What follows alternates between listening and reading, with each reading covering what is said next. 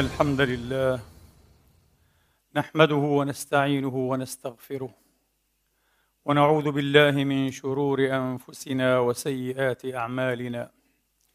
من يهده الله فلا مضل له ومن يضلل فلا هادي له. وأشهد أن لا إله إلا الله وحده لا شريك له ولا نظير له ولا مثال له. وأشهد أن سيدنا ونبينا وحبيبنا محمدا عبد الله ورسوله وصفوته من خلقه وأمينه على وحيه ونجيبه من عباده. صلى الله تعالى عليه وعلى آله الطيبين الطاهرين وصحابته المباركين الميامين وأتباعهم بإحسان إلى يوم الدين وسلم تسليما كثيرا. عباد الله أوصيكم ونفسي الخاطئة بتقوى الله العظيم ولزوم طاعته. كما أحذركم وأحذر نفسي من عصيانه سبحانه ومخالفة أمره. لقوله جل من قائل من عمل صالحا فلنفسه ومن أساء فعليها وما ربك بظلام للعبيد. ثم أما بعد أيها الإخوة المسلمون الأحباب أيتها الأخوات المسلمات الفاضلات. يقول الله سبحانه وتعالى في كتابه العزيز بعد أن أعوذ بالله من الشيطان الرجيم. بسم الله الرحمن الرحيم. اذهبوا بقميصي هذا فالقوا على وجه ابي يات بصيرا يات بصيرا واتوني باهلكم اجمعين ولما فصلت العير قال أبوهم إني لأجد ريح يوسف. إني لأجد ريح يوسف لولا أن تفندون.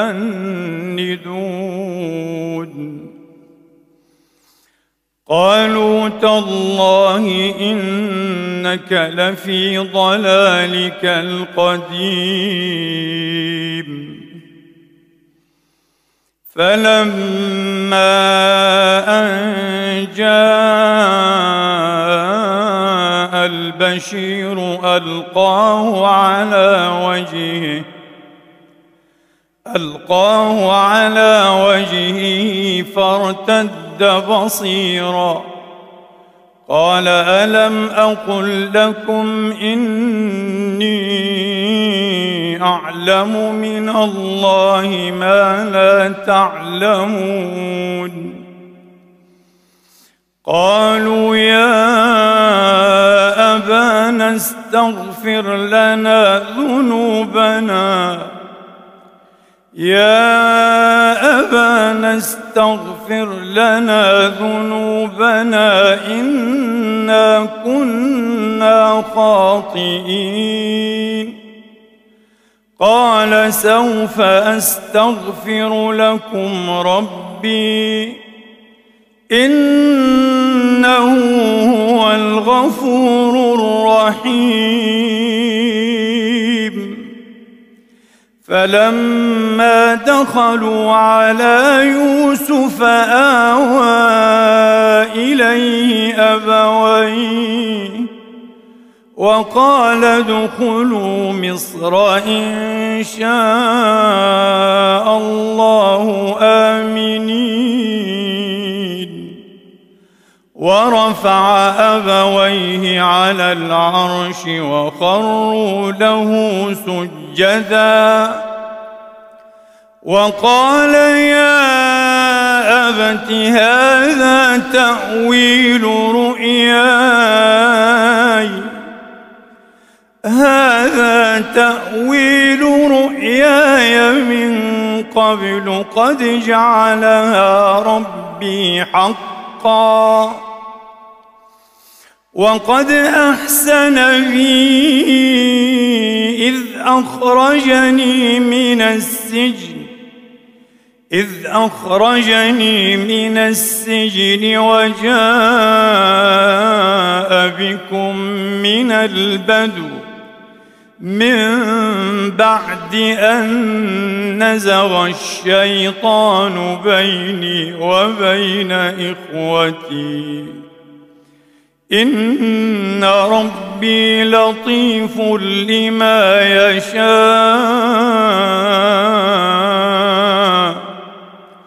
إنه هو العليم الحكيم.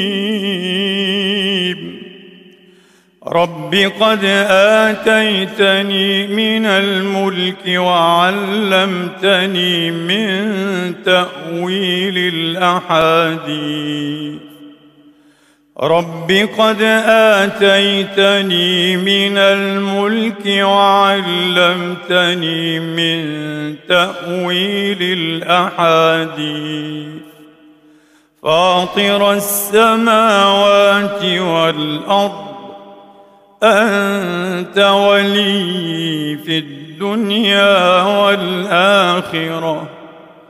توفني مسلما وألحقني بالصالحين. صدق الله العظيم. وبلغ رسوله الكريم. ونحن على ذلك من الشاهدين. اللهم اجعلنا من شهداء الحق القائمين بالقسط. آمين. اللهم آمين. وتوفنا مسلمين والحقنا بالصالحين. برحمتك يا أرحم الراحمين. إخواني وأخواتي استمعنا إلى المشهد الأخير من قصة بالغة التأثير وبالغة الدلالة. ريانة ملأى بالعظات والمعاني والعبر. إنها قصة الكريم ابن الكريم ابن الكريم ابن الكريم يوسف ابن يعقوب ابن إسحاق ابن إبراهيم عليهم الصلوات والتسليمات أجمعين. وهذا الختام الجميل الباذخ المطمئن المريح. جاء ختاما لبداية تفصلها عنه فيما يقال أربعون سنة. أربعون سنة بين قص يوسف الغلام الصغير على أبيه المبتلى بفقده يعقوب ابن إسحاق عليهم الصلوات والتسليمات أجمعين رؤياه حين رأى فيما يرى النائم كيف تسجد له كواكب أحد عشر كوكبا والشمس والقمر أيضا. كانتا أو كان من بين جملة الساجدين.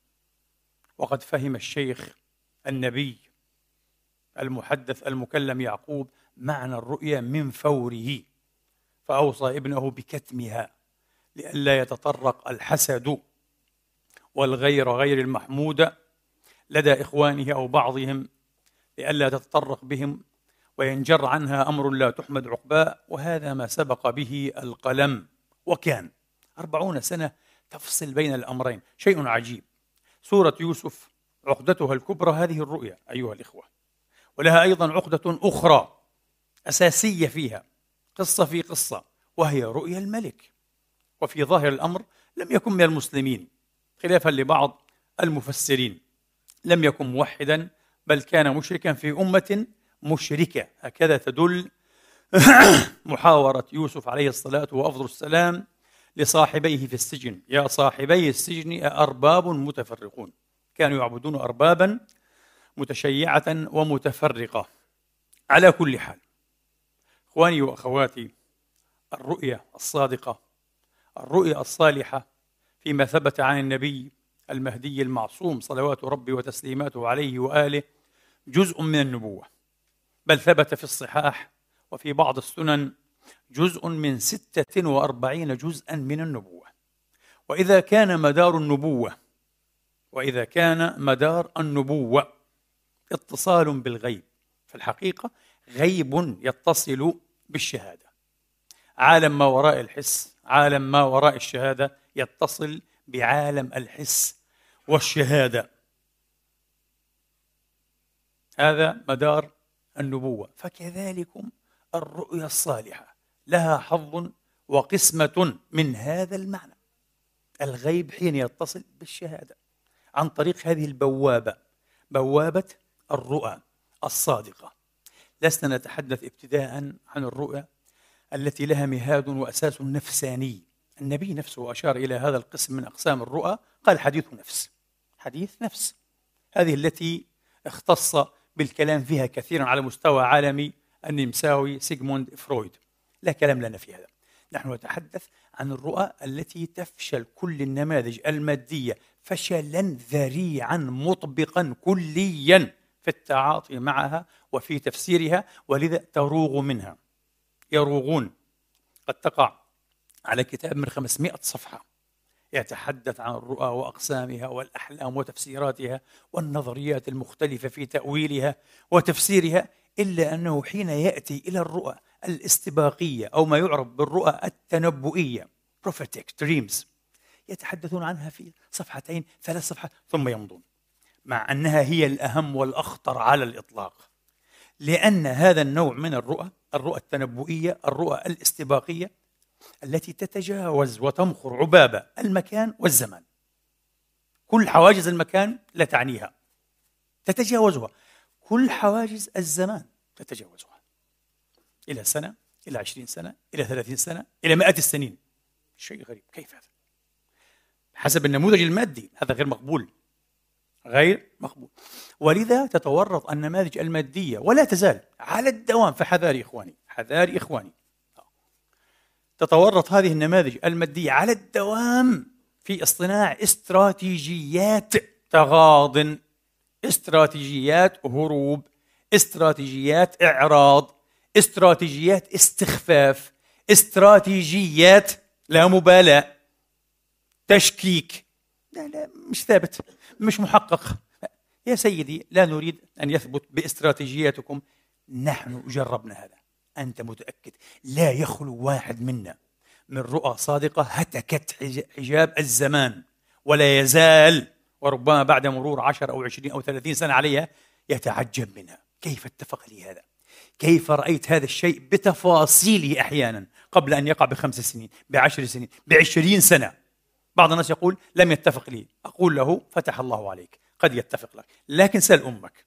سل أباك جدك جدتك خالك خالتك عمك. من تثق به. معظم الناس مروا بهذه التجارب مسلمين وغير مسلمين صالحين وغير صالحين. لماذا؟ لأن هذه الخاصية من خواص الروح ونفخت فيه من روحي. بحسب القرآن العظيم حسب الأديان أو الشرائع التوحيدية السماوية الثلاثة الإنسان فيه مكون غيبي. نفخت فيه من روحي. شيء يتصل عبره به الغيب وهو أيضا يتطلع ويتشوف ويتلصص على الغيب عبر هذا الشيء. أحيانا في مناماته وأحيانا في يقظته. أهل الكشف والفتوح والاستشفاف والاستبصار وكل هذه الظواهر التي ملأت كتب التصوف والعرفان وكتب الباراسيكولوجي في الغرب هنا الذي أصبح على الرغم منهم علما علما ويصطنع الأدوات والمناهج والضوابط العلمية الصارمة. ووثق وأثبت حقانية واقعية هذه الظواهر على الرغم من عناد النماذج المادية الإلحادية. طبعا لأن النموذج كله سيصبح عرضة للتساؤل. النموذج يا إخواني المادي بطبيعته أضيق بكثير من حقيقة الإنسان المتسعة المركبة. النموذج المادي يتعاطى وبنجاح بعيد جدا جدا. مع الجزء المادي فينا. ما في أي مشكلة. ولكن مشكلة هذا النموذج أن ثمة جزءا آخر روحيا غيبيا وراء شهودي موجود فينا ويمارس فاعليته ونشاطه في اليقظة وفي المنام على الأقل بحسب باحثين كبيرين واحد إيطالي وآخر فرنسي عني كثيرا بموضوع الاستشفاف والتنبؤيات والاستباقيات وجد نتيجة دراسة الرجل وهما دراستان منفصلتان تماما لكن علميتان وجادتان من شخصيتين كبيرتين من شخصيتين كبيرتين في المجال العلمي. نصف الحوادث التنبؤية الاستباقية الاستشفافية تقع في المنام. والنصف الآخر يقع في اليقظة. والنصف الآخر يقع في اليقظة. شيء غريب.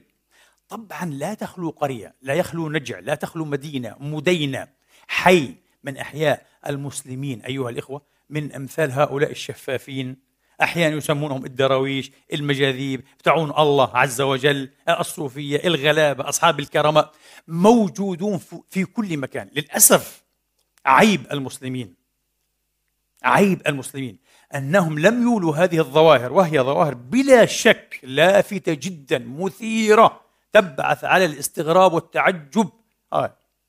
إلى الغاية لم يولوها أهمية بحيث يدرسونها بالطريقة العلمية أو يوثقونها أيضا بطريقة علمية. ميزة الغربيين أن منهم من يطلع بمثل هذه المهام مع أنه ليس بين يديه إلا حوادث تعتبر منزورة ومحدودة إذا ما قيست بالحوادث التي تعج بها ديار المسلمين. يبدو أن للدين هنا أثرا. يبدو أن للدين وتوحيد الله تبارك وتعالى واتباع النبي الخاتم المعصوم أثرا في المسألة. بلا شك تقرب الإنسان من الصفائية أكثر من الطهارة أكثر. يكفي توحيد الله تبارك وتعالى. هذا مفتاح الغيب. وعنده مفاتح الغيب لا يعلمه إلا هو. وأنت موحد تقول لا إله إلا الله. هذا يقصر الطريق جدا. لذلك هذه الأحداث هذه الوقائع لدينا لا تحصى بالملايين بالملايين. لو أراد أحدهم أن يذهب يوثقها إيه سيقضي عمره. ولن يوثق إلا عشر معيشيرها. أو عشرة عشرة عشيرها. لأنها كثيرة جدا. المرحوم أنيس منصور ولم يكن رجل دين ولا روحانيا ولا لاهوتيا كان وجوديا يعني أقرب إلى الإلحاد. لكنه في فترة من حياته في منتصف عمره استيقظ إلى هذه التجارب التي تعج بها بلاد مصر. قرى وأنجاع مصر كثيرة جدا جدا فعني بها جدا وجعل يتقصاها ويتسمع من هنا ويوثق وألف أكثر من كتاب وسجل هذه الملاحظة. ملاحظة الحسرة ملاحظة التحسر والتأسف على أن المسلمين لم يتعاطوا مع هذه الظواهر بطريقة علمية. يا أخي وثقوها على الأقل. لماذا تضيع هذه الكنوز؟ كنوز كثيرة جدا جدا. الآن حين أقص عليكم حكاية مباشرة سينقدح في ذهني هذا. إيه هذه اتفقت لجدتي. مثل بالضبط. آه، أنا عشت هذا. هذا سيقول هذا اتفق لعمي. نعرف هذا تماما متواتر في العائلة. هذا يقول اتفق لي. اتفق لأبي. نعرف هذا. نعرف هذا. هذا موجود. وطبعا هذا كله بفضل الله تبارك وتعالى من باب قل فلله الحجة البالغة. قل فلله الحجة البالغة. المرحوم الدكتور مصطفى محمود رضوان الله على روحه الطاهرة. هذا العارف بالله وهذا العالم المثقف الجليل الصافي الطاهر صاحب السكينة والطمأنينة. يقول عن نفسه بكل براءة وصدقية معهودة فيه رضوان الله عليه. يا ريت كل المثقفين مثل مصطفى محمود في براءتهم وطهارتهم. آه، وتعمقهم أيضا. يقول أنا قبل ثلاثين سنة. طبعا من تسجيل الحلقة طبعا. قبل ثلاثين سنة لم أكن معنيا بالمسألة الدينية. كان كل تفكيري علميا. كل اهتماماتي علمية. لا أهتم بالنواحي الدينية. لا تعنيني. قال وأنا كنت متعودا أن أنام مبكرا بعد العشاء. هكذا وأستيقظ مبكرا. قال تقريبا عند منتصف الليل. يرن الهاتف. هاتف المنزل. قال استيقظت أخذت السماعة.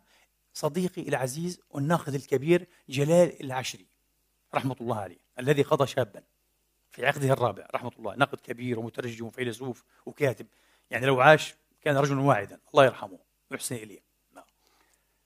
فقال أدرك أنني كنت نائما فتأسف اعتذر. قلت له خلاص ما أنت يعني فيأتيني يتكلم؟ قال لا لا لا. وسكر إيه؟ السكة اللغة المصرية. قال عدت مباشرة إلى نومي.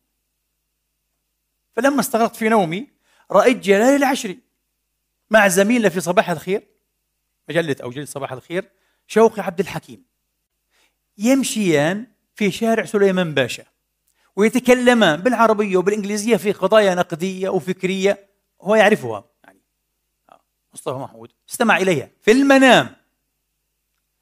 قال فلما استيقظت أول شيء قمت به رفعت السماعة على جلال العشري يا جلال صباح الخير إزيك؟ أنت امبارح في الليل لما اتصلت بي كنت في شارع سليمان باشا. قال له صح.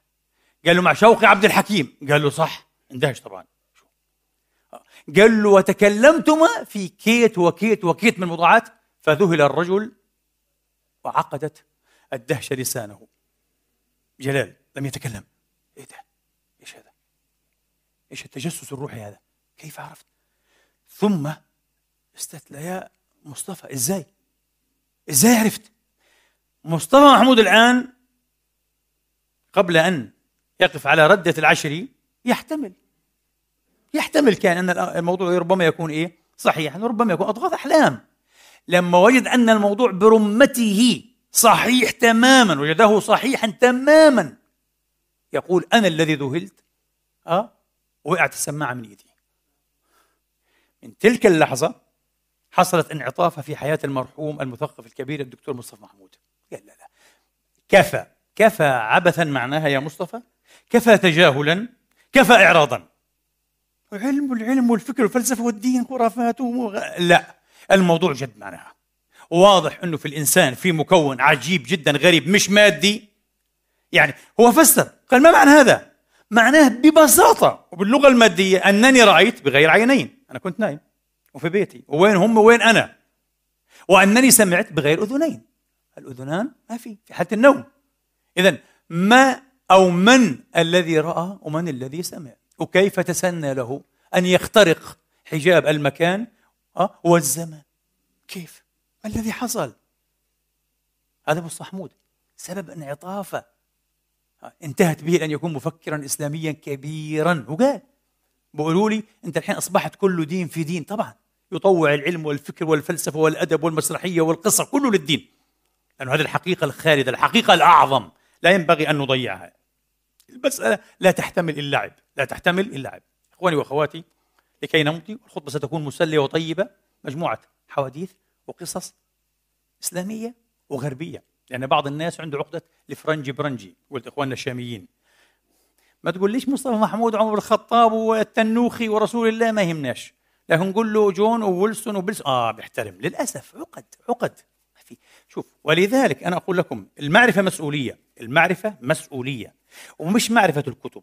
ومثل هذه المعرفة التي تسمعها إيه على المنابر أو في التلفزيون أو في ابدا. حتى المعرفة التي تنتهي أو تتناهى إلى علمك عن طريق إيه أحداث اتفقت لجدتك لخالتك لعمتك لأبيك لأمك لجارك. أه؟ لمن تعرف وتثق بهم. مسؤولية. ومسؤول عنها أمام الله. وبما أنك ما شاء الله لديك القدرة النقدية. أه؟ وأنا أخاطب هنا بين قوسين. أه؟ أصدقائنا وإخواننا الملاحدة والمشككين والمرتابين. أخاطبهم بالذات أكثر طبعا مما أخاطب المؤمنين. القضية عندهم مفروغة بفضل الله تبارك وتعالى وكثير منهم يعيش هذه الحالات. يعيش وهو في نعيم منها أصلا. هو في نعيم منها. بعض الناس لا يكاد يستخير الله إلا أراه الله خيرته. بعض الناس يعيش بإلهام من رؤاه الصادقة. ودائما وعشرات المرات يتبرهن له أنها أثبتت له كيف أنقذته من مطب ومشكلة كبيرة. لولا لولا لولا الرؤية. كيف أكسبته صفقته. كيف كيف. عشرات المرات. ومش العكس الصحيح. الحمد لله. فالرؤية فعلا الصادقة الصالحة جزء من النبوة. جزء من 46 جزءا من النبوة إخواني وأخواتي. المسألة كتأصيل بسيط جدا جدا بجملة. ونمضي الملاحدة الماديون وفق نماذجهم المادية وخاصة النماذج الفيزيائية أو المذهب فيزيائية فيزيكاليزم. المذهب الفيزيائي. طبعا هو مذهب إيه؟ من مذاهب الطبع الطبيعانية أو الطبيعية نيتشراليزم نفس الشيء. هذا المذهب يرى أن كل ما في العالم وكل ما في الوجود ومن ضمن مضمنات الوجود الكائنات البشرية الآدمية. يمكن اختزال كل ما يتفق لها كل نشاطاتها كل فاعلياتها الروحية العقلية الذهنية المادية الحيوية إلى آخره. إلى ماذا؟ إلى مبادئ وقوانين فيزيائية. ريدكشنزم مذهب الاختزالية مذهب التخفيضية. أنا ممكن أسميه حتى مذهب المسخية. يمسخ الظاهرة المعقدة بكل تركيبها بكل ثراها بكل خصبها وغناها. إلى ماذا؟ إلى مجرد معطيات مادية بسيطة واحدية. طاقة ومادة بقوانين الطاقة والمادة. واضح؟ هذا منخل. هذا قفص. هذا صندوق. واضح أن هذا المنخل أن هذا القفص أن هذا الصندوق سيعجز عن احتواء ظواهر كثيرة.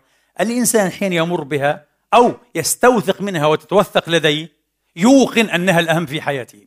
لماذا؟ لأنها في حال صدقها سيترتب عليها توال.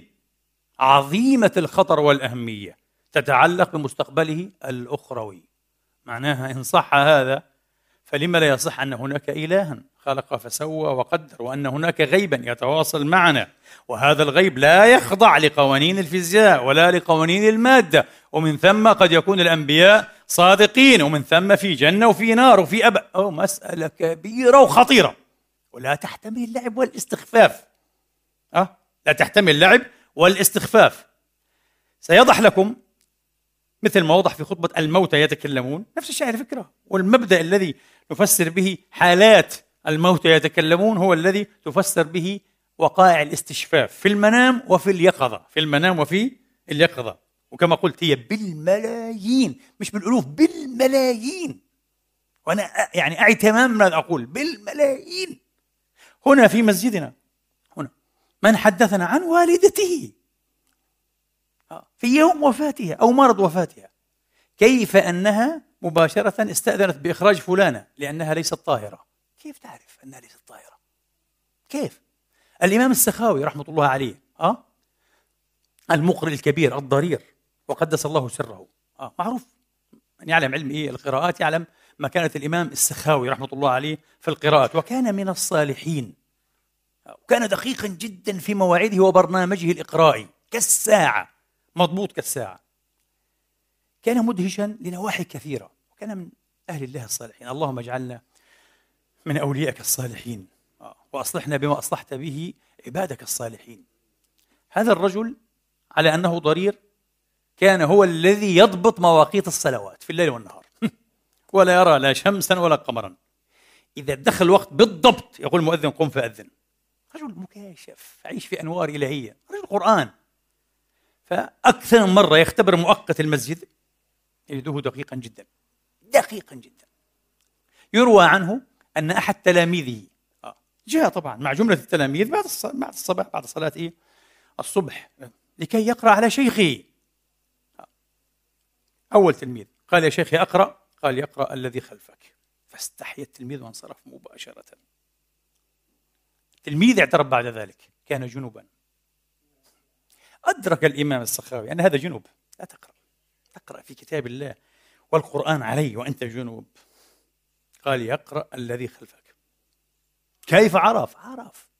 شفافية عجيبة. أنا أعرف شخصيا أناسا عندهم هذه الشفافية. ما رأيكم؟ شيء غريب. أنا أعرف شخصيا رجلا. ومن غير مبالغة هو أصدق من رأيت في حياتي.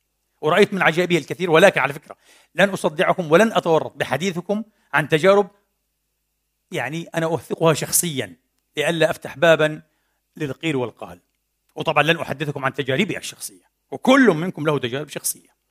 لن نفعل هذا أبدا. نحن فقط سنجتلب نستسلف وقائع وقصص أخرى من أحياء وأموات من الغرب والشرق. هذا الرجل إذا قدم له طعام يعرف أن التي صنعته حائض أو نفساء.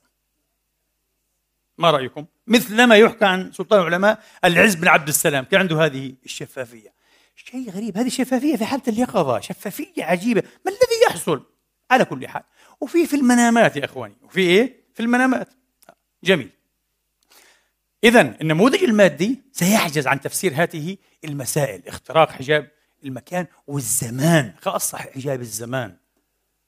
لأنه النموذج المادي مؤسس على بضعة مبادئ منطقية عقلانية. راشنال أكيد.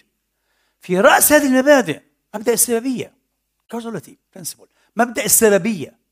مبدأ السببية يجعل محالا أن يتقدم المعلول على علته. لازم العلة في الأول بعدين المعلول. يعني قبل أن يتزوج الشاب فيكم مستحيل أن نتحدث عن أبنائه. أبناء إيه؟ أولادي. أولاد إيه؟ هو مش متزوج. لابد أن يتزوج أولا وأن تحمل زوجته منه وأن يولد له وبعد أن يولد له يمكن أن نتحدث عن من ولد. لا لا لا لا. في حالات الاستشفاف يحدثك عن أبنائك قبل أن يأتوا بعشرين سنة.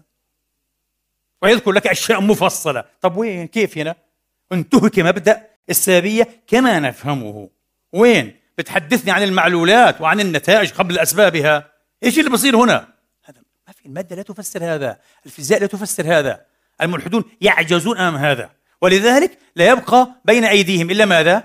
إلا أعرضوا الإعراض وكأي من آية في السماوات والأرض يمرون عليها وهم عنها معرضون سأصرف عن آياتي الذين يتكبرون في الأرض بغير الحق وإن يروا كل آية لا يؤمنوا بها وإن يروا سبيل الرشد لا يتخذه سبيلا وإن يروا سبيل الغي يتخذه سبيلا طب وليه؟ وليه هذا الإعراض؟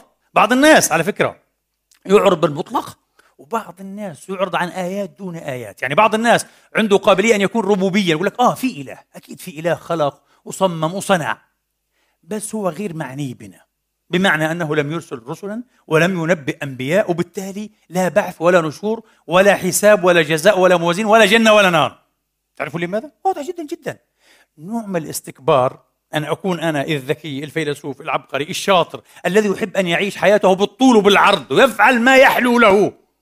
يستكبر جدا أن يقال له هناك سلطة أعلى منك. واعية بك رقيبة عليك. ها؟ تأمرك أن تفعل وألا تفعل وستصير إليها وترجع إليها وتوقف بين يديها وتحاسب على كل ما فعلت. فتجزى بالخير خيرا وبالشر إيه؟ شرا. ولذلك قال تبارك وتعالى وإذا ذكر الله وحده اشمأزت قلوب الذين لا يؤمنون بالله لم يقل. لم يقل. قلوب الذين لا يؤمنون بالله. شيء شو القرآن الكريم شوف كل كلام هذا. لخصه القرآن بكلمة واحدة. اشمأزت قلوب الذين لا يؤمنون بالآخرة. القضية الآخرة. يقول لك ما عندي مشكلة. مع رب مع إله موجود ما عندي مشكلة. عندي مشكلة أن تقول لي آخرة. أعود إليه ويسألني عن النقير والقطمير أه؟ والكبير والصغير والقديم والحديث. ما بديش أه؟ مشكلتك. ولذلك واصل في التعامي المقصود واصل في التجاهل واصل في الاستخفاف في التشكيك غير المبرر في الإعراض. ولي العنق واصل. نتمنى لك كل خير. صديقنا الملحد كل خير. والله. ونرجو أن الله يدفع عنك كل ضير لكن الكرة في ملعبك. إياك أن تغامر بمصيرك الأبدي. المسألة جد وليست لعبا. المسألة جد وليست لعبا يا إخواني. على كل حال إذا هذه النماذج المادية الضيقة الأقفاص الصناديق الضيقة ستعجز حتما أن تستوعب إيه؟ ولذلك بمنطقها مباشرة تطرده كله وتستبعده كل ما لا تستوعبه وتعتبر أنه غير موجود لكنه موجود. تماما. مثل عالم تاكسونومست يعني هو كان عالما تصنيفيا. آه، يصنف الحيوانات والنبات أحد التصنيفيين. وفي عنده الكبرياء العلمية هذه. آه. ومرة كان إيه؟ تقريبا في القارة إيه؟ القطبية. استفاق وإذا بأحد مساعديه يقول له بروفيسور بروفيسور انظر لهذه السمكة. سمكة عجيبة. لا يعرفون عنها أي شيء. نظر هكذا هذه لا تدخل في أي إيه؟ class تصنيفي في أي يعني إيه؟ فئة تصنيفية قال غير موجودة. قال هذه غير موجودة. ورجع نام يا أخي هاي بنقول لك. قال غير موجودة. بما أنها هذه ستهز إيه نظام التصنيفي أه ما بديش إياها. هي غير موجودة. شو الكبرياء لوين هذه وقائع علمية هذه. ما لهاش علاقة باللاهوت. أه. بعض الناس لا يتخيل هذا. يفكر إنه العالم هذا إيه متألي هذا. العالم هذا ما شاء الله عنده نزاهة إلهية ويخضع. لا لا لا أبدا أبدا. في تعصبات وجمود على النماذج. يعني طيلة حياته يشتغل على نموذج. تأتي أنت بوقائع في نظره معدودة ومحدودة وقد تقبل ولا تقبل هكذا يحب أن يصورها. تهز له النموذج؟ تهز سعي حياته فيستكبر والعياذ بالله. لذلك جوهر الكفر دائما. الاستكبار أستكبرت أم كنت من العالين؟ جوهر الكفر نوع من الاستكبار. ولذلك جوهر الإيمان الحقيقي تواضع حقيقي تواضع جوهراني المؤمن. فإن رأيت مؤمنا فيه أي نوع من الاستكبار فاعلم أن إيمانه مدغول ما عنده الإيمان الحقيقي هذا. الإيمان الحقيقي يجعل الإنسان متواضعا لكل شيء ويعترف بكل حقيقة حتى لو كلفته الكثير. نسأل الله أن يتمم علينا إيماننا وأن يكمل لنا إحساننا وأن يعمقنا فيه. أفلاطون من قديم ضرب لنا مثال العميان مع الفيل أيها الإخوة. عميان سمح لهم أن يدخلوا على فيل. عميان. فأحدهم اتفق أن أخذ بنابه العاج. قال مثل الرمح الفيل كائن مثل الرمح تماما. آه. وهذا صحيح هو وصف شيئا مثل الرمح. أما الذي أخذ أي بزلومته مثل المصريين بالخرطوم فقال هو مثل أفعى كبيرة هيك. أفعى كبيرة تتلوى ببطء. قال هي الفيل كالأفعى قال. وهو صحيح جزئيا. الذي إيه اتفق أن أخذ بذيله قال بل هو مثل إيه حبل. غير محسن إيه يعني لم يحسن إيه فتله. قال حبل. الذي أخذ إيه برجله قال أسطواني. جسم أسطواني هو قال. ثخين. جزئيا كلهم صح كلهم صادق جزئيا. وين تبدأ إيه؟ يعني المشكلة؟ أين ينبثق الخطأ والغلط؟ إن أصر كل منهم على أن منظوره الجزئي الذي ربما هو غير دار بأنه جزئي هو إيه؟ كلي. وأن هذه الحقيقة التامة للفيل. خطأ. وقعنا في خطأ كبير. لذلك النماذج المادية كلها صحيحة ضمن إيه؟ ما هيئت وما كانت لتفسيره. المادي يفسر مادي. إن ثبت أن في الكون وبين قوسين ما يهمنا إن ثبت أن لدى الإنسان جزءا غير ماديا هنا واضح أننا لن نحتاج ولن نسائل ولن نستشير النماذج المادية. بالعكس سنرانا ملزوزين مضطرين للبحث عن نموذج وراء مادي وراء حسي وراء شهودي يفسر لنا ماذا إيه؟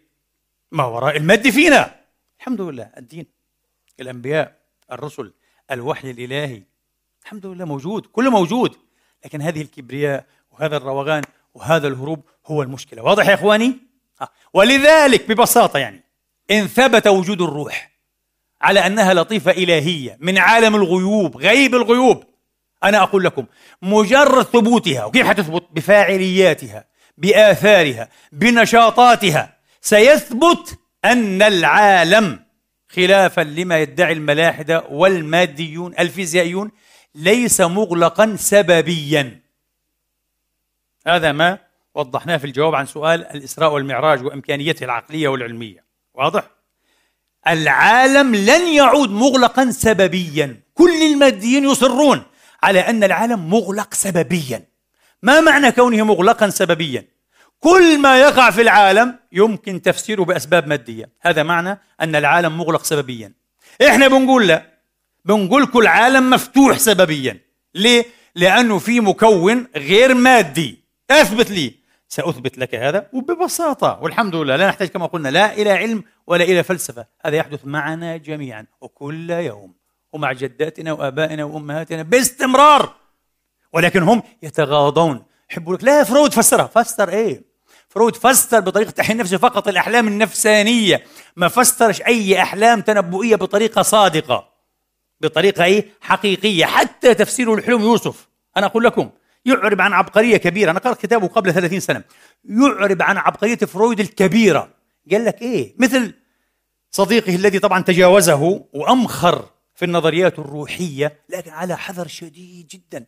كارل جوستاف يونغ السويسري آه. في البداية كلا الرجلين. قال لك اللا شعور.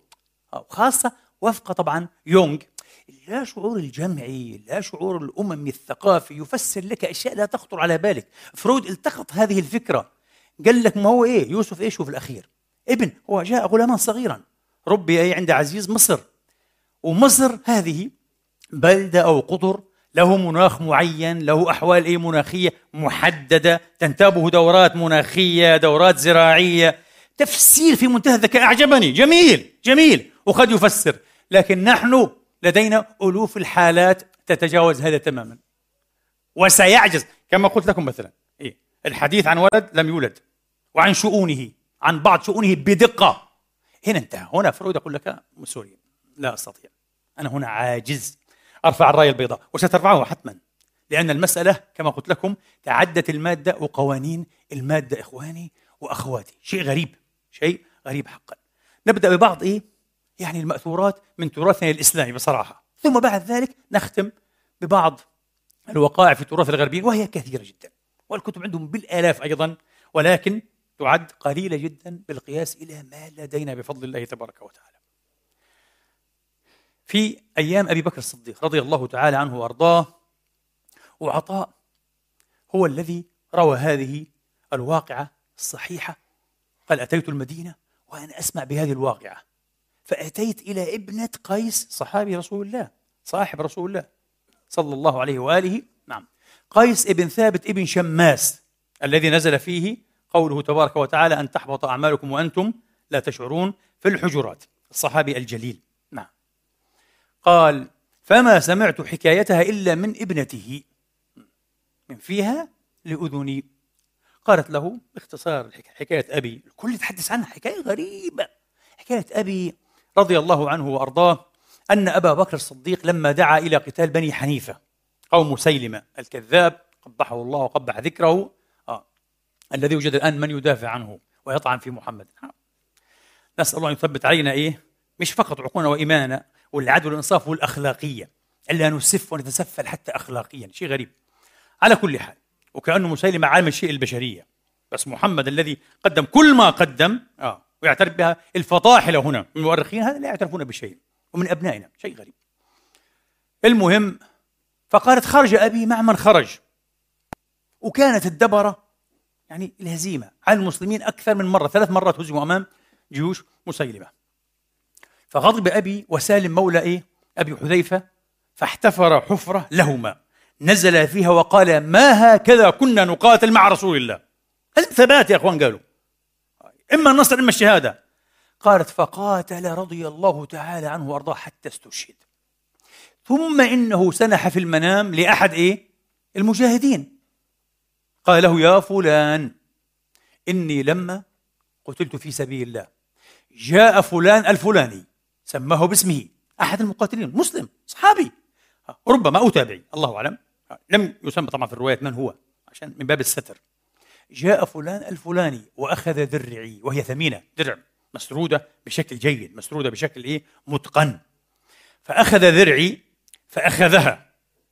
وخيمته أه في آخر المكان الفلاني في آخر المعسكر وعندها فرس يستن في طوله. الطول هو إيه؟ الحبل الذي يربط للفرس فيتحرك فيه اسمه الطول. وعندها عند الخيمة فرس يستن يعني بروح بيجي بس مربوط. في طوله. وقد كفى عليها برمة. مثل قدر هيك. كبيرة حطها عليه على الدرع. تخبيها. له يبيعها بعدين ويستفيد منها للأسف. غلول. هذا الغلول.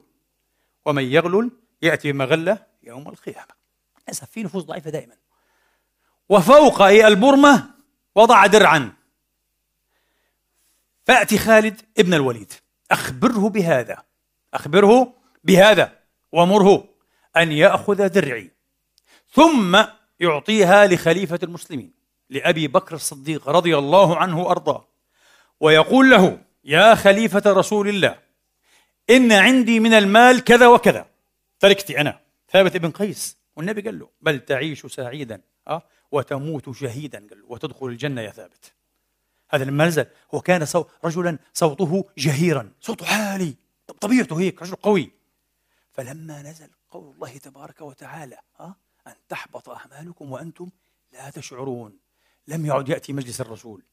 فسأل عنه قالوا هو في بيته فأرسل في أثره فجاء الرجل وقد نحل وذبل وضعف حالة. إيش يا ثابت؟ قال يا رسول الله هلكت.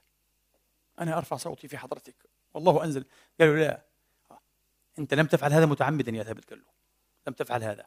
ولن تموت كافرا. ولن يحبط عن بل تعيش سعيدا إن شاء الله قال له وتموت شهيدا. شوف هاي الشفافية والنبوءة أه؟ وتدخل الجنة إن شاء الله تعالى. أعطاه أعطاه. وسام الشهادة وهو حي. وفعلا مات شهيدا أحسن شهادة. يوم اليمامة. يوم اليمامة. فتأتي خليفة رسول الله وتقول له إن لي من المال كذا وكذا وعلي من الدين كذا وكذا. وهذه درعي بعها. وسدد بها ديني وفلان وفلان من عبيدي عتقاء لوجه الله تعالى. وإياك أن تقول حلم فتضيعه. في الرؤيا قال له قال له اصحى تقول حلم أنا حلمت حلم. هذا مش حلم روح اجتك أرواح تلتقي. طبعا هذه هي. بعض الناس يقول لك كيف؟ طب هذه روح الميت. ومين قال لك إنه النايم مش ميت؟ ما هو كل من هنا يأتي الاستشفاف. كيف تغرف من الغيب وأنت نائم أنت؟ وترى أشياء قبل وقوعها بسنوات. كيف؟ حين تنام الروح تزايل بدنها نوع مزايلة. تفارقه نوع مفارقة ويبقى اتصال أيضا بينه وبين البدن. آه. لو فارقته بالكامل يحصل الموت. هذا هو. لذلك النوم موت جزئي. والموت نوم كلي. قال عز من قائل الله يتوفى الأنفس حين موتها. يتوفاها بخذها كاملة. والتي لم تمت في منامها. بتوفاها برضه بس مش توفية تامة. نوع توفية نوع توفية. والتي لم تمت في منامها فيمسك التي قضى عليها الموت ويرسل الأخرى إلى أجل مريح الله. قال لك هذا كلام محمد هذا كلام محمد هذا. هذا اليوم أكبر عقل في القرن الحادي والعشرين. مضطر أن يتعلم هذا العلم الإلهي. الله يتحدث بلغة عجيبة جدا كاشفة. عن طبيعة ماذا؟ طبيعة الموت والنوم والعلاقة بينهما. فهذه هذه روح طالعة وهذه روح طالعة بالكامل. يلتقيان يتخابران يتبادلان المعلومات. كيت وكيت وكيت وكيت, وكيت 100% هذه الطريقة غايب هذا. مش مادة مش فيزياء إطلاقا. وإياك أن تقول حلم فتضيعه وكذلك كان. سيدنا خالد شوف الصحابة المغوار. آه مباشرة ما كذبش خبر. كما نقول بالعامية راح موجودة تماما. خيمة وبرمة وفوق البرمة درع والفرس مئة في المئة. مشهد تلفزيوني. لا إله إلا الله. هنا ما في لا شعور هو ما في منه الكلام هذا. أخذها أعطاها لأبو بكر يقول عطاء فلا نعلم أحدا أنفذت وصيته بعد موته إلا وصية ثابت ابن قيس ابن شماس. إيش هذا؟ وصية واحد وصى بعد ما مات. طبقت. لأنها حق. كلها حق. كلكم إخواني وأخواتي فتح الله علينا جميعا وعليكم. تعلمون قصة سيدنا عمر الخطاب. ذات مرة كان نائما هكذا فاستفاق كالمذعور. يقول ابن سعد في الطبقات ليت شعري يقول ليت شعري. من هذا الذي من ولدي بوجهه شج يملأ الأرض عدلا أو يملأ الأرض قسطا وعدلا؟ يقول عبد الله بن عمر رضي الله عنهم وأرضاهم أجمعين فكنا نترقب. ورأينا بلال ابن عبد الله. آه ورأينا بلال ابن عبد الله ابن عمر في وجهه شامة فقلنا لعله هو. لعله يكون هذا إيه من ولد عمر الذي يملأ ويعمل بمثل عمل فلم يكن هو. حتى جاء عمر ابن عبد العزيز. عمر واسمه عمر. آه اسمه كاسمي. آه يملأ الأرض قسطا وحتى بوجهه شج. وهو غلام دخل الإسطبل ضربته إيه؟ الفرس. شجت وجهه. أبوه كان من الصالحين. عبد العزيز بن مروان كان من الص... رضوان الله عليه رجل صالح من صلحاء بني أمية على قلة الصلحاء فيهم آه؟ لكن أبوه كان من صالحهم حقيقة آه؟ وهو ما شاء الله أصلحهم بلا شك. رضوان الله عليهما وأرضاهما. قال له يا بني خطر له هيك. رجل برضه مكاشف. إن كنت أنت آه الأشج المذكور يعني كذا كذا آه إنك لأسعد الناس. إن شاء الله. وكان هو كان هو. اسمه عمر ومن نسل عمر. آه. لأنه عمر زوج إيه؟ ابنه عاصم. مش صحيح. زوجه من بنت بائعة اللبن. تعرف القصة؟ شفتوا فقط. ما قالش عمر ابن الخطاب صاحب رسول الله الفاروق فاروق الإسلام وخليفة المسلمين سلطان الدنيا. شوف التواضع. ماشي يعس. امرأة وابنتها في البيت تتقاولان. امضخ اللبن. قلت لها لا نهى عنه عمر. كيف نحن نمضغ إيه اللبن؟ نضع ماء على اللبن. آه ونبيعه ونغش. قالت له عمر لا يرانا. قالت لها. قالت فإن كان عمر لا يرانا البنت. فرب عمر يرانا. قال له يا أسلم علم هذا البيت. راح خطأ البنت. شوف سيدنا عمر يا الله إيش الإنسان العظيم هذا. قال له هذه تنفع تكون إيه؟ زوجة لابني عاصم. وخلفت إيه؟ آه بنتا اسمها إيه؟ أم عاصم. هذه أم عمر بن عبد العزيز. زوجة إيه؟ عبد العزيز بن مروان. وجاء هذا الرجل الصالح. رؤية اخترقت حجاب الزمن. شيء غريب. القاضي التنوخي في كتابه العظيم وهو في مجلدات أعجب وقائع يرويها القاضي بالأسانيد بأسانيده وكثير منها وقعت في حياته وكان شاهدا على بعضها. يروي رواية من أغرب ما يكون. عن رجل ورث تركة كبيرة من أبيه في بغداد ثم ضيعها دمرها أتلفها بإسرافه بسرفه حتى صار لا يجد ما يقوت نفسه ولا أمه إلا من غزل يدها. تغزل مسكينة ويبيع بدريهمات يسيرة ويأكلان. قال حتى بعنا البيوت عفوا بعنا الأبواب. أبواب إيه؟ المنزل. أبواب المنزل. حتى مذكور في الرواية والسقف كانت يبدو إيه؟ السقوف إيه؟ توضع من أشياء معينة باعوها. صاروا على الحديدة. قال حتى فكرت في إيه؟ أن أنهي حياتي. أن ينتحر. ذل. وفي يوم من الأيام سنح لي في المنام من يقول لي انزل إلى مصر فإن رزقك بها. وتعرف الغريق يتعلق إيه؟ بخشة قال لك والله ممكن رزقي بمصر. فالمهم ما كذبش خبر؟ نزل إلى مصر المسكين. غريب. بغداد زيه يختلف وضعه يختلف. ها قال سدت في وجهي أبواب الطلب. ولا أي مكان أشتغل فيه ولا أي رزق ولا عمل ولا أي شيء. قال وذات ليلة وقد برح بي إيه؟ الجوع. أضر بي الجوع. فكرت أن أستكدي أن أشحذ. وتمنعني عفة نفسي. وجعان المسكين. أشحد أشحد ما أشحدش. قال وبين أنا إيه؟ يعني أمشي في الليل بعد العشاء إذ أخذني الطائف. يعني شرطة البعث بسموه طائف كان. تعال غريب قال له أنت. قال له آه غريب. ماذا تريد هنا؟ قال له أبدا أنا إنسان ضعيف كذا. قال لا فكذبني. قال وبطحني وضربني مقارع. اقرأ آه ضربه. فقلت له خلص سأصدقك سأصدقك. قال فخلى عني. قلت له والله يا أخي قصتي كذا كذا كذا. قال له ماذا؟ ما رأيت أحمق منك. أنت واحد أهبل قال له آه خمس نجوم ما رأيت أحمق منك. يا أحمق قال له أنا لي سنوات أرى في المنام. الرؤيا تتكرر كان شيء سينمائي. أرى في المنام. من يقول لي ائتي بغداد. محلة كذا شارع كذا. قال فذكر محلتي وشارعي. وأنا ممسك. آه.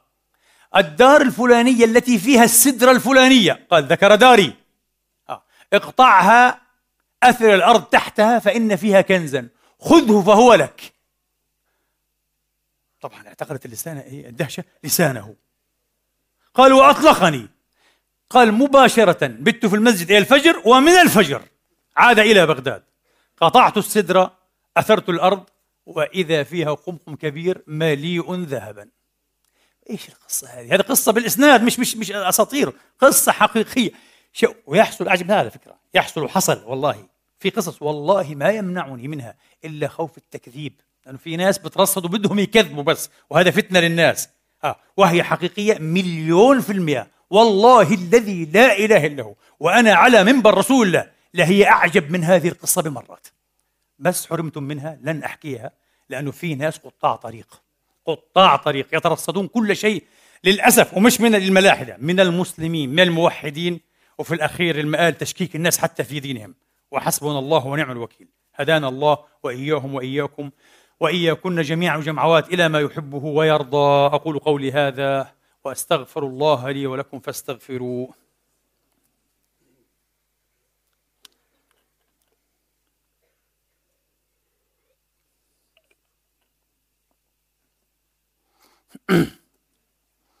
الحمد لله.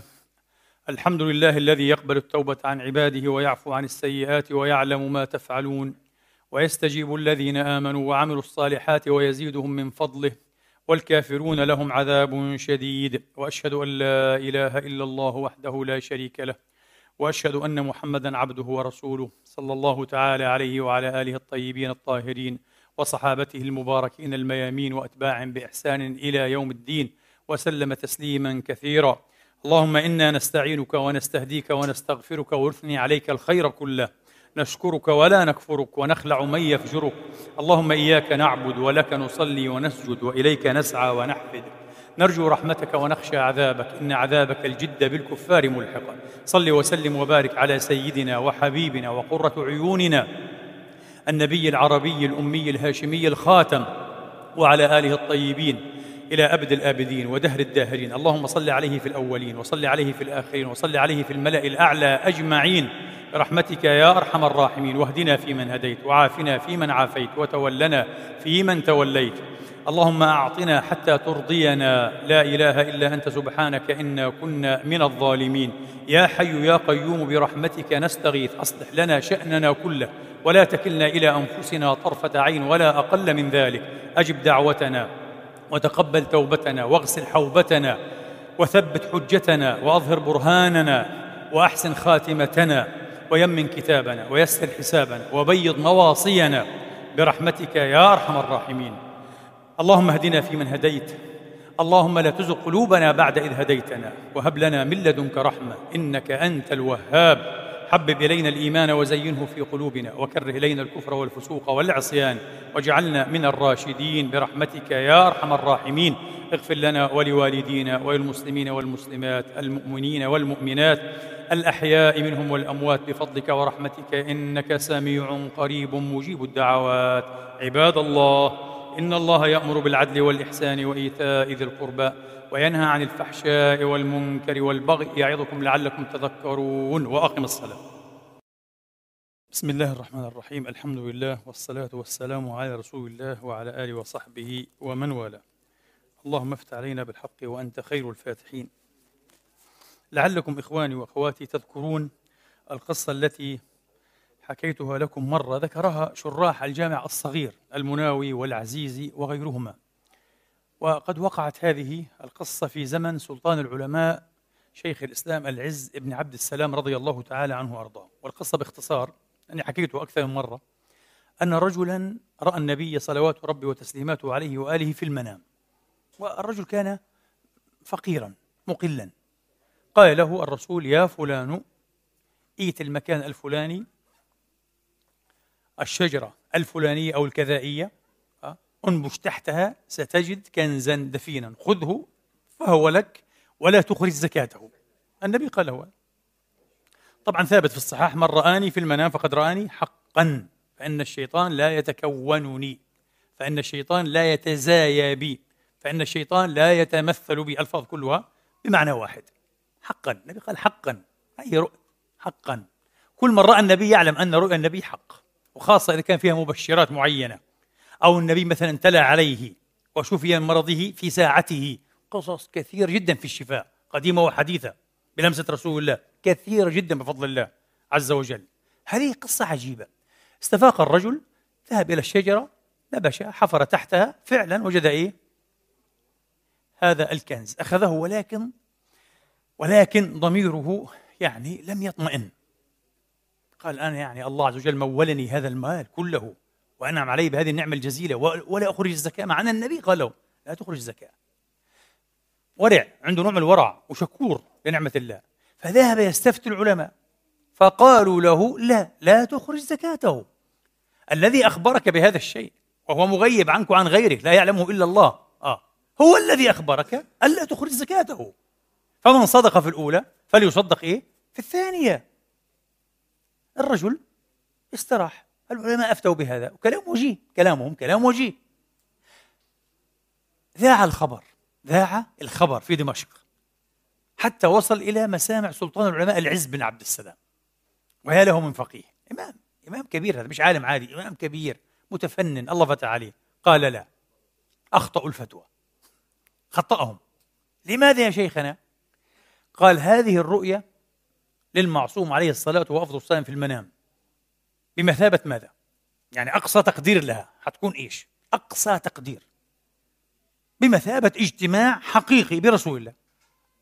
لنفترض أن هذا الرجل آه فعلا سمع هذا من رسول الله بأذني قالوا نعم. قال هذا خبر واحد. هذا خبر واحد. سنعد هذا الرجل صحابيا. الصحابي يروي حديث عن رسول الله. لم يرويه أحد غيره صحيح؟ معناها إيش؟ حديث أحد. هذا الآحادي عارضته أخبار مشهورة. رواها أكثر من صحابي وفي اليقظة تقول في الركاز الخمس وهذا ركاز. هذا ركاز. فأعجبوا جدا يعني من هذه الفطانة ومن هذه اللوذعية الفقهية. وقالوا نعم كلامك هو الصحيح كلامنا غلط. وأخرج الرجل خمس الكنز خمس الكنز. نعم. صحفي مصري مشهور وكاتب هو اسمه سعيد إسماعيل. يذكر في أحد كتبه عن زميل له صحفي آخر أيضا قال له يا سعيد أنا حصل معي شيء عجيب. ما هو؟ قال له رؤيا تراودني في منامي ثلاث سنوات متوالية. كل فترة فترة تأتيني مكرورة كما هي تذهلني تفزعني. أستفيق وأنا متعرق لكي أتنفس الصعداء باستفاقتي منها قال له ماذا ترى؟ قال أرى كأنني في صحراء صحراء مدوية وأنا أسير في هذه الصحراء ينتهي بي خطوي ونقلي إلى مكان مهجور إلى مكان مهجور لا يسكنه أحد متداعن فأدخل وبدأ يصف لي سعيد إسماعيل بدقة ما الذي رآه آه. قال ممرات صغيرة مغلقة تنفذ بعد ذلك إلى غرف أحيانا سقوفها غير موجودة الحوائط نفسها متداعية بعضها موجود بعضها غير موجود ثم نفذت بعد ذلك إلى إيه؟ غرف أخرى أصغر مغلقة تماما وفي سقوفها كوى نافذة إلى السماء يدخل منها الضياء والهواء. قال له نفس الرؤيا تتكرر قال له وتزعجني. قال له أيوة. قال له حتى كان بعد ثلاث سنوات ولأول مرة يقدر لي أن أزور الجزائر الشقيقة. الله يحفظ كل بلادنا هي العربية والمسلمة ويبارك أهلها وساكنيها. قال له أيوة. قال له لأول مرة. مع مجموعة صحفية لنغطي مؤتمرا سياسيا. غطينا المؤتمر وبعد ثلاث أيام الحكومة أخذت هذه المجموعة من الصحفيين الأجانب مصريين وغير مصريين يعني جولة سياحية في الأماكن الأثرية آه حول الجزائر العاصمة. حول العاصمة. أربعين كيلو مترا فقط. قال كنا في باص أتوبيس يعني مكيف. لما نزلنا منه قال العجيب هنا المكان الذي كنت أراه بالضبط هذا المكان. هذه الصحراء وهذه الواجهة. هرع ترك الدليل وهم يزعقون عليه ترك. يعرف يعرف هذا المكان تماما. ودخل يمشي كما كان يمشي في النوم يعرف كل هذا المكان. زاره في المنام من ثلاث سنوات وأول مرة يزور الجزائر. أول مرة في حياته. قالوا كان أكبر همي أن أنتهي الغرف الصغيرة؟ اللي فيها الكوة النافذة. هل موجودة؟ وموجودة هذه الكوة قال والله كما هي. تماما نفس الكوة مفتوحة ما هذا؟ قالوا هذا سجن مهجور. سجن كان إيه؟ للمجرمين والمزيين وهجر قال بعد ذلك لم تعد هذه الرؤية تسنح لي إيه في المنام. انتهت خلاص. إيش؟ عمل الروح. تستبق الأحداث. تمخر في الزمان. تمخر في الزمان. نعم. سأحدثكم بقصة مؤثرة جدا. ذكرتها مرة واحدة على المنبر. وهذه القصة أعرفها مباشرة يعني. ممن وقعت له. هو حدث بها أمي. وأمي حدثتني بها اليوم اختصصتها إياها مرة أخرى حتى أتأكد من تفاصيلها. مع أني حدثتكم بها في المنبر قبل ربما أكثر يعني من بضع عشرة سنة مؤثرة جدا. لدينا هذه في بلادنا هناك. لن نذكر أسماء حتى إيه طبعا الستر واجب على الناس. لكن في بلادنا حولنا تزوجت امرأة من رجل فاضل طيب يكف شره على الناس في نفسه يعمل موظفا في مؤسسة معينة. إنسان طيب ومثقف كان مثقفا. سبحان الله. زوجة أخيها زوجة أخي العروس يبدو أنها تغار منها معقدة امرأة فاجرة مجرمة. في صباحية العرس تأتي لأخوها عفوا لأخيها لأخي يعني العروس يعني وتقول له أختك ليست عليكم السلام دكتور ليست عذراء. ماذا؟ قالت له ليست عذراء. فضيحة جلبت لكم العار. هذا الشقي من غير أن يستفصل من غير أن يسأل مباشرة يذهب يأخذ أخته معه إلى البيت يذبحها. سلفتها سلفتها اللي هي إيش؟ زوجة أخي زوجها. تقسم بالله أن المرأة كانت عذراء وأنهم رأوا آثار العذرية بشكل واضح. الدماء. تبكي. قالت ذبحوها وهتكوا عرضها المسكينة المصونة. وتقسم بالله أنها عذراء والدماء كانت كثيرة كمان. ما الذي حصل؟ في غضون شهر واحد. في غضون شهر واحد. من التي حدثت أمي؟ من التي حدثت أمي؟ كما قلت لكم سلفتها هي التي حدثت أمي. قالت لها يا أم فلان في غضون شهر. أتت في المنام الشهيدة المسكينة. المغدورة رؤيت في المنام وبيدها مقشة من سعف النخيل بسموها الجنو قنو يعني. آه. كلمة قرآنية قنوان آه. آه. قنوان دانية. قنو مقشة. تكنس بها بيت أخيها. أخوها الذي قتلها وزوجته وعنده أولاد مجموعة أولاد. تكنس تكنس تكنس تكنس. كنست كل شيء. شيء مؤثر جدا أقسم بالله. في أقل من شهرين مات أخوها ماتت زوجته ومات كل أولاده هذا عندنا في معسكرنا جيراننا يعني. هذا كله من أهل القصة. آمنت بأنه لا إله إلا الله. آمنت بأنه في رب موجود وفي عدل وفي ميزان وفي قسطاس ومرات يعجل في الدنيا. يعني انتهكت عرضها. قذفتموها ظلما وقتلتموها يا أشقياء. الله عاقب الأسرة هذه عن آخرها لم يبق أحد. شيء مبكي مبكي. تخيل أنت تمر بالدار اللي كان فيها ربما إيه؟ سبعة أنفار ثمانية أنفار بعد شهرين ليس في الدار من ديار. وين راحوا؟ ماتوا. أخذهم الموتان. الموتان هو الموت الكثير السريع. هذا الموت هذا الموت سموه الموتان. أخذهم الموتان بهذا الظلم. والرؤيا جاءت منذرة. ستكنسون. شو رؤيا عجيبة. خلي أكبر مادي يفسر لي هذا. خلي يقول لي عذاب الضمير قتلهم. يا ما شاء الله. عذاب الضمير قتل أخاها. عذاب الضمير قتل أي المجرمة زوجة أخيها. طب والأطفال؟ ما في كنس كامل. شيء مؤثر ولذلك يا إخواني حذاري. حذاري من ظلم الناس. حذاري من الكلام في الناس. مش حتى في الأعراض. إياك أن تتكلم في أي بشر بما يسوءه وبما يشينه. كف لسانك عن الناس. ومش الناس اللي بتعرفهم كله كل الناس. إيش دخلك؟ إيش دخلك؟ مأخوذ عليك في لسانك. تهلك تخش جهنم عشان اللسان إياك. ووالله ووالله لن تستفيد من صلاتك من قرآنك من صومك من عبادتك من ذكرك لله. ما دام قلبك ملطخا ولسانك إيه؟ مرسلا. والله لن تستفيد. بمعنى لن تشعر بلذة العبادة لذة الذكر بالكشف بالعطاء. لا مانيش حيحصل لك. إيش رأيك؟ ولو تعبد مئة سنة. لكن طهر نفسك من كل الذنوب ظاهرا وباطنا وأعبد على أساس وتشوف كيف. تختلف كل أحوالك بإذن الله تعالى. وحتبدا تشوف الدين تقول هذا هو الدين الذي لم أكن أعيشه. هذا هو الدين. وتقول جزى الله من صدنا عنه ولم يعلمنا هذا الدين بهذه الطريقة. جزى الله من سهل لنا الكلام في الناس ها؟ وهتك أعراض الناس والنيل من الناس والحقد على الناس وسب الناس وشتم الناس وايذاء الناس. باسم إيش قال؟ دفاع عن الإسلام. دفاع عن قضاء كله كذب. كلها أحقاد ونفوس مريضه نسأل الله أن يطهرنا. طيب. تذكرون قصة أنا أذكرها موجودة؟ بعض الناس تكلم في إسنادها. أدرك المحمدين وبالذات رأسهم محمد بن جرير الطبري ومحمد بن خزيمة ومحمد بن أسلم الطوسي. الحمد لله ذكرتهم. آه. اذهب ابحث عنها في النت. آه. أدرك المحمدين. واحد يقول لك إيه تكلم بعضهم في إسنادها. آه. يا سيدي اتفق مثلها بل أمثالها. لمعاصرين أحياء وأموات في هذا العصر الحديث.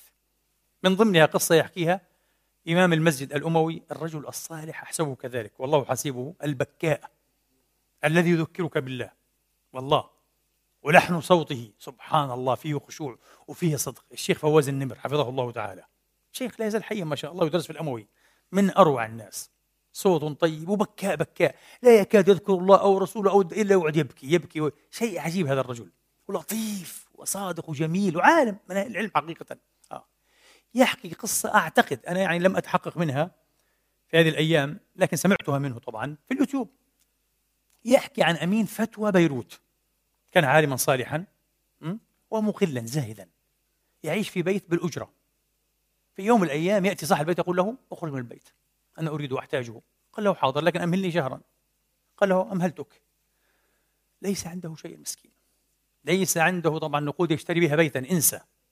والآن حتى يعني يسعده الله أن يكتري بيتا آخر برضه مسألة صعبة. قبل أن ينتهي الشهر بيوم واحد. بقي يوم واحد فقط. طرق عليه الباب. السلام عليكم ورحمة الله. أنت الشيخ فلان قال نعم أنا يا أخي. من أنت؟ قال له أنا فلان الفلاني. رجل تاجر. غني من بغداد. يا الله. وإذا يسر الله أناسا لسعيد فهم السعداء كما قال البصيري.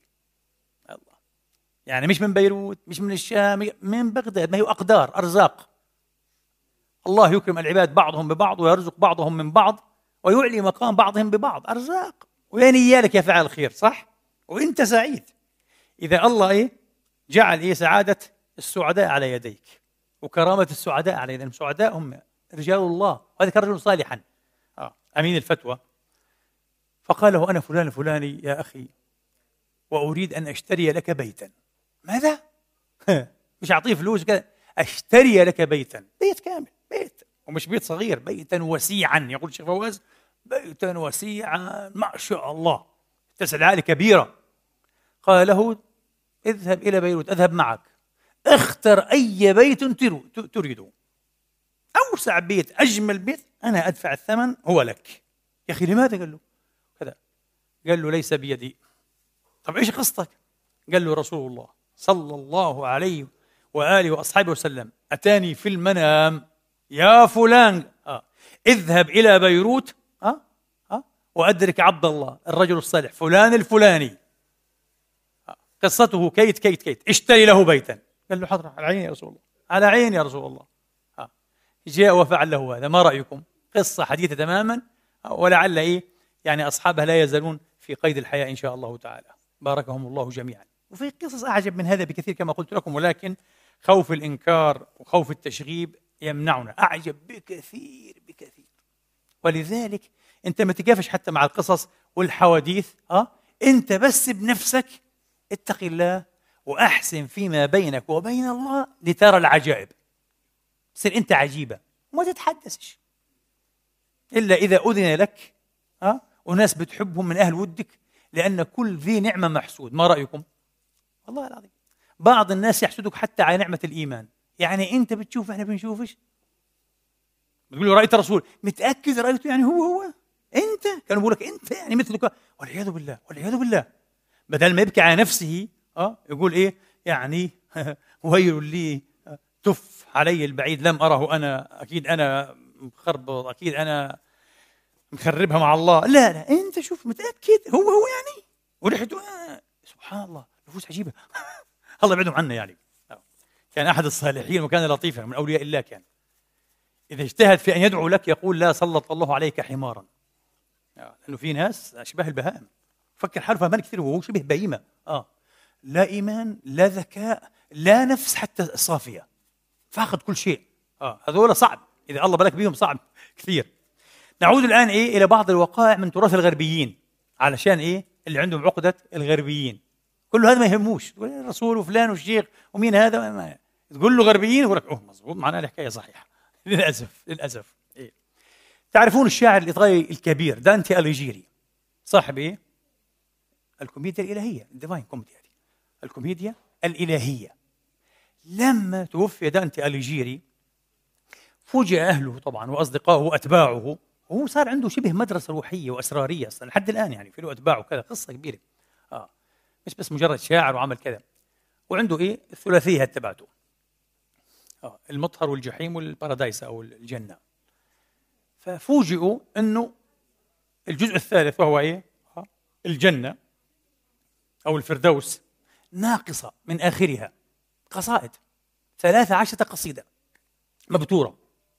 فظنوا إيه؟ أن الموت أعجله عن إيه؟ عن إتمامها. قالوا يمكن مات ما كملهاش. لكن لا قد يكون. المهم فأرادوا إيه؟ من ابني. آه. أرادوا من ابني. عنده واحد اسمه إيه؟ جاكوبو والثاني اسمه بييرو.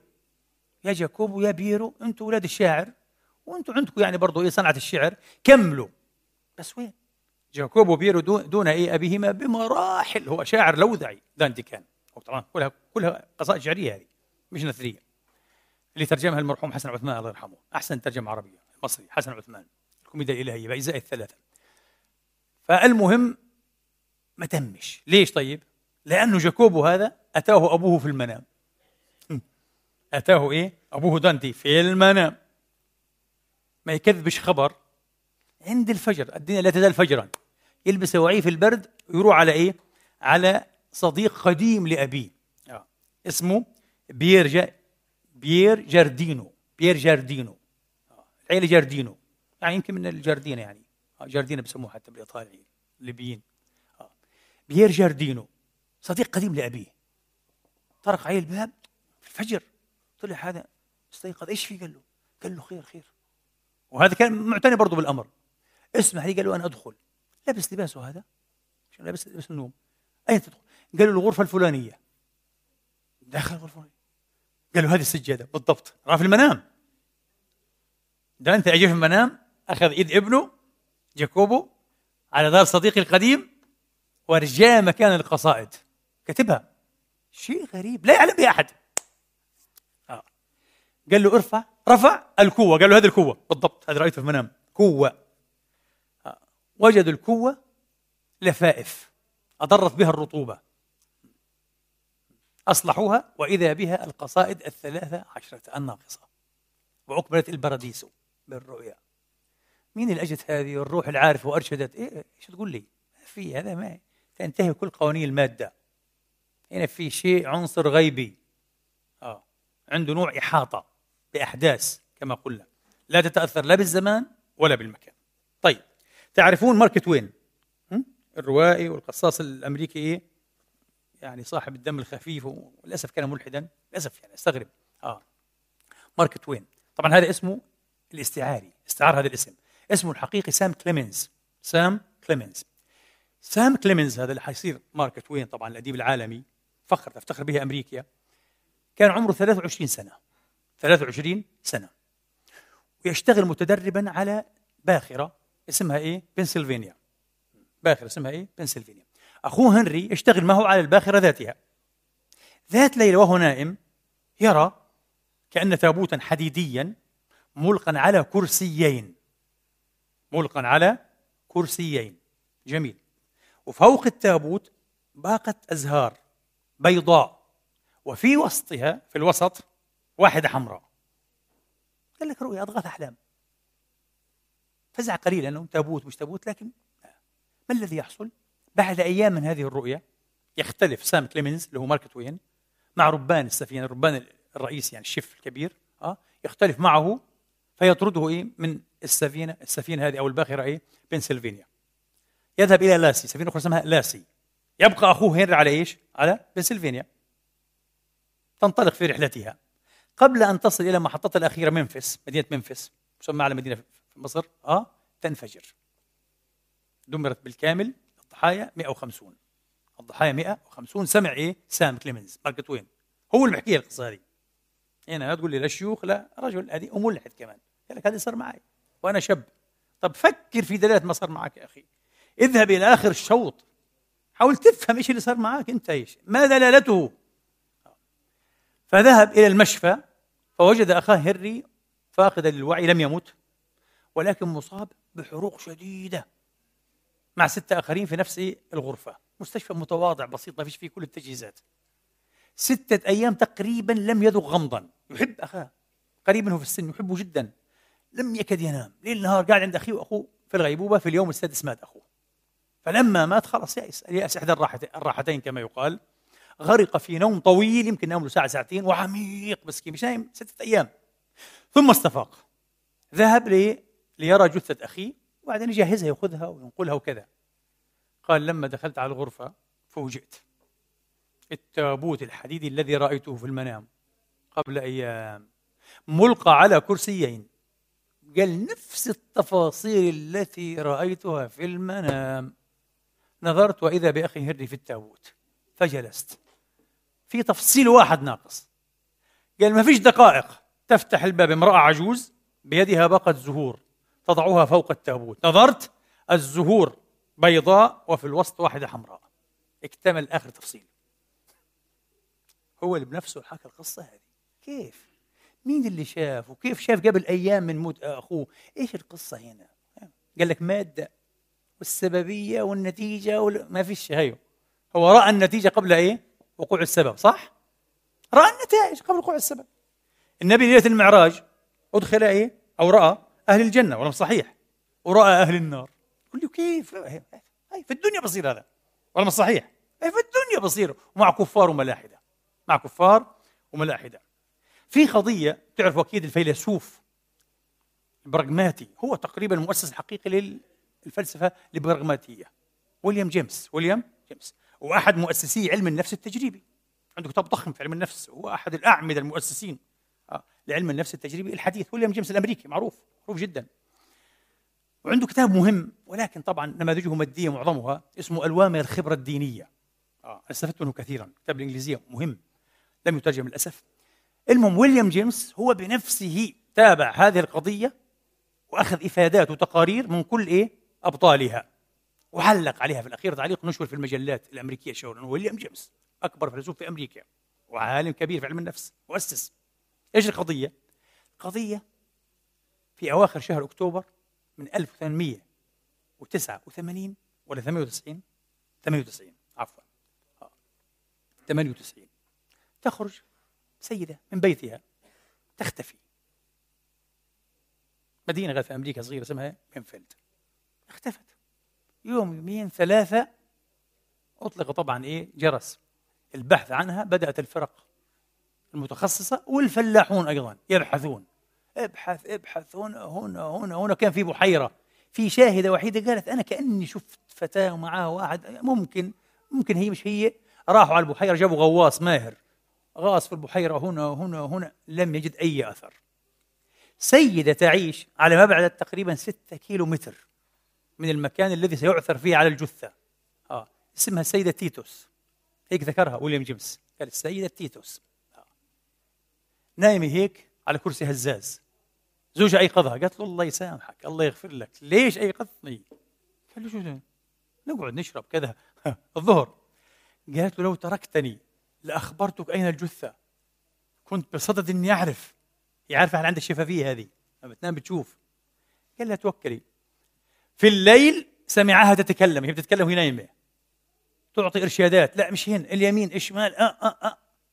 لما قامت قال لها يا فلانة أنت في الليل؟ قالت له آه والله صح ذكرتني. قال لها قلت هيك؟ قالت له صحيح. في الليلة الثانية نفس الشيء تكرر. في الليلة الثالثة بعدين ما كذبتش خبر قالت لا خلاص. فراحوا على الرجل اللي متولي إيش؟ النفقة أو كان رجل تاجر هو. في البحث عن السيدة هذه. فقالت له قال على بركة الله. نجيب الغواص جابوا فرقة كذا وجابوا الغواص هذا. قالت له أنا حسب ما رأيت في المنام في البحيرة الفلانية. تبعد عن بيتها ستة كيلو متر آه. الغواص غضب. قال لها أنا كنت. قالت له لا أنت كنت هنا وهنا كل شيء في المنام. لم تكن هناك هي هناك. ابحث عنها وستجد جثمانها. وستجد أول ما تجد طاقيتها الحمراء وزوج حذائها إيش؟ مجنونة هذه. ذهب غاص أه بعد قليل صوت الجماهير. آه القبعة الحمراء رمى بها. آه. وفردتي الحذاء. شيء لا يصدق كما قالت بالضبط. ثم عاد على بعد إيه 18 قدم يعني حوالي ستة إيه ستة أمتار في العمق. ثم استخرجوا الجثة. ويليام جيمس طبعا لأنه قد تكون عجوزة متورطة بأي شيء تحقيقات واستخبارات وشرطة من جميع أبدا ما لهاش علاقة. قال لك إحنا بعد كل التحقيقات وأخذ الإفادات الشرطية والتحقيقية والنفسية ابدا وليس لدينا قال إمكانية لتفسير قدرة هذه المرأة العجوز لتبعد ستة كيلومتر عن مكان إيه؟ الجثة على أن ترى ما رأت يبدو أن كل ما في الأمر أنها تتمتع بقدرة خارقة للطبيعة. supernatural يعني power قدرة خارقة للطبيعة يعني قدرة مش مادية. تخرق قوانين المادة. عالمك مفتوح سببيا. أي معناها؟ صح؟ بحبوش هم يواجهوا النتائج. ما تقوليش قدرة خارقة للطبيعة. مشتبهة الكلمة هذه. إيش معناها يعني؟ إنه عالمنا مفتوح سببيا. يعني في مجال تتدخل فيه إيش؟ الغيب. صح؟ معنى في مجال للمعجزات للكرامات لخوارق العادات لنشاطات الروح. انسى. هم ما يحبوش هذه اللغة بالمرة. العلماء الماديون الملاحده يجننهم تقول له إيه خوارق معجزات كرامات. حترجعنا للأنبياء دول. والدين ولا ما بدناش. بدهمش. خاطرك أنت. إذا في الدين فيه عيوب من أهله يعني بعض المتدينين آه معيبون نصابون دجالون حتى شهوانيون مجرمون موجودون. قطعا موجودون. في اليهود في النصارى في المسلمين. مش معناها إنه الدين غلط. والحكيم أي إنسان حكيم لا يلقي الرضيع مع إيه؟ مع ثياب إيه؟ غسيله. كما يقول مثل الفرنسي. أنت الحين لما ابنك الصغير يتوسخ ويوسخ على حاله من فوق لتحت صغير عمره شهرين. ترمي أنت الصغير مع إيه؟ مع وساخته؟ لا بترمي الوساخه وتجيب الصغير وتنظفه ولا مش صحيح؟ أنا لما في ناس وسخوا الدين وطبعا من أهل الدين كل دين في ناس وسخوا الدين تبعهم زي الحين الإسلام. الإسلام الحين في اللحظة هذه أكثر من يوسخوا بصراحة المسلمون أنفسهم. أرمي الدين كله أكفر به حاشا لله. بالعكس بالعقل النقدي الذي أنكر به وأشجب به أفعال هؤلاء العقل نفسه هذا سأستخدمه لكي أقدر ماذا؟ حقائق الدين الجوهرية والصحيحة والطيبة والكريمة. وما احرمش نفسي منها واحرم العالم منها وما اكون إنسان أحمق أنا ومجرم. وأنا صحيح. يا أخي العلم نفسه العلم نفسه عنده الجانب الم... إيه؟ المضيء والجانب ماذا؟ المعتم جدا جدا جدا جدا جدا. يعني مين ينسى هيروشيما وناجازاكي مين ينسى الحروب نفسها والأسلحة التي صنعها العلم ودمر البشرية ودمر الناس وقتل مئات الملايين مساكين بغير ذنب؟ حروب شاملة على فكرة. حروب الشاملة الحقيقية عادت للبشرية في القرن العشرين. مدن كاملة تباد وتحطم وتدمر. مدنيون. لماذا يا أخي؟ حرب شاملة زي ما صار في ألمانيا وخاصة دريسدن أه؟ في الحرب العالمية الثانية. إجرام. العلم قال لك العلم أه؟ والصواريخ والذري وكذا العلم. بعدين اليوجينكس والتعقيم الإجباري.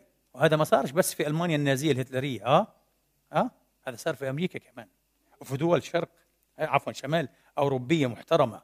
لو تفتح هذا الملف آه؟ إن شاء الله مرة بنيجي نتحدث عنه في محاضرة. خزي خزي. وأمريكا بالذات كمان ها؟ انتبه. يعني أكثر من تورط. في تعقيم الناس م? اجباريا وإنهاء نسلهم وإنهاء حياتهم الاخصابيه الأمريكان والنازيون. عاملينها هي بس إيش؟ جريمة النازي. النازي عمل هذا وأنتم عملتوا كمان. بنفس القدر للأسف الشديد وبنفس الوساخه علم واللي وراء هذا كانوا علماء وعلماء كبار علماء كبار ثقات للأسف الشديد. نكفوا بالعلم نقول علم خزي. لا لا ابدا ابدا. نميز. ولا صحيح. وهكذا العاقل الحكيم المنصف طالب نور الحقائق. يميز بين الخاثر والزباد بين الصحيح والفاسد بين الدر والبعر. ولا صحيح. أنت لو عندك درة واحدة بين مجموعة بعض بترميها مستحيل. تقعد كذا عشان بدك درة واحدة وبترمي إيه؟ 100 بعرة. ولا صحيح. الدين بالعكس. الدين يمكن تلاقي 100 درة وتلاقي جنبهم إيش؟ 10 بعرات. صراحة ومعظم الدين ما شاء الله يعني. بصراحة. معظم الدين. مش الدين في ذاته. الدين كما يعرض يعني. يعرض الفقهاء وكذا. معظمه طيب بصراحة. واقله غير طيب. هذا. نعمل فيه العقل النقدي إن شاء الله تعالى. فالقصص إيه أيضا كبيرة جدا في هذا الباب. أبراهام لينكولن رأى نفسه كيف إيه يقتل وقتل بنفس الطريقة. كثير كثير عندهم كتب مليئة بصراحة. وفي ناس اهتموا بهذا الجانب وألفوا فيه عدة كتب مثل المثقف الإنجليزي الكبير الموسوعي كون ويلسون. كون ويلسون عنده أكثر من كتاب. عنده موسوعة الإيه؟ الخوارق أو القوة الخارقة. عنده كتاب الحاسة السادسة. عنده كتاب رائع الاكلت العرافة. شيء عجيب عجيب. كتاب مدهش. يعني هذا كان جزء من متعة حياتي لما قرأته. هذا قبل حوالي ربع قرن. آه.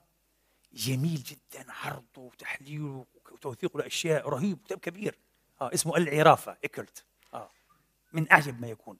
رجل باحث كبير إنجليزي هو. فممكن تعودوا تتقصوا في هذه الأشياء وتتوسعوا وتشوفوا فيها إن شاء الله تعالى.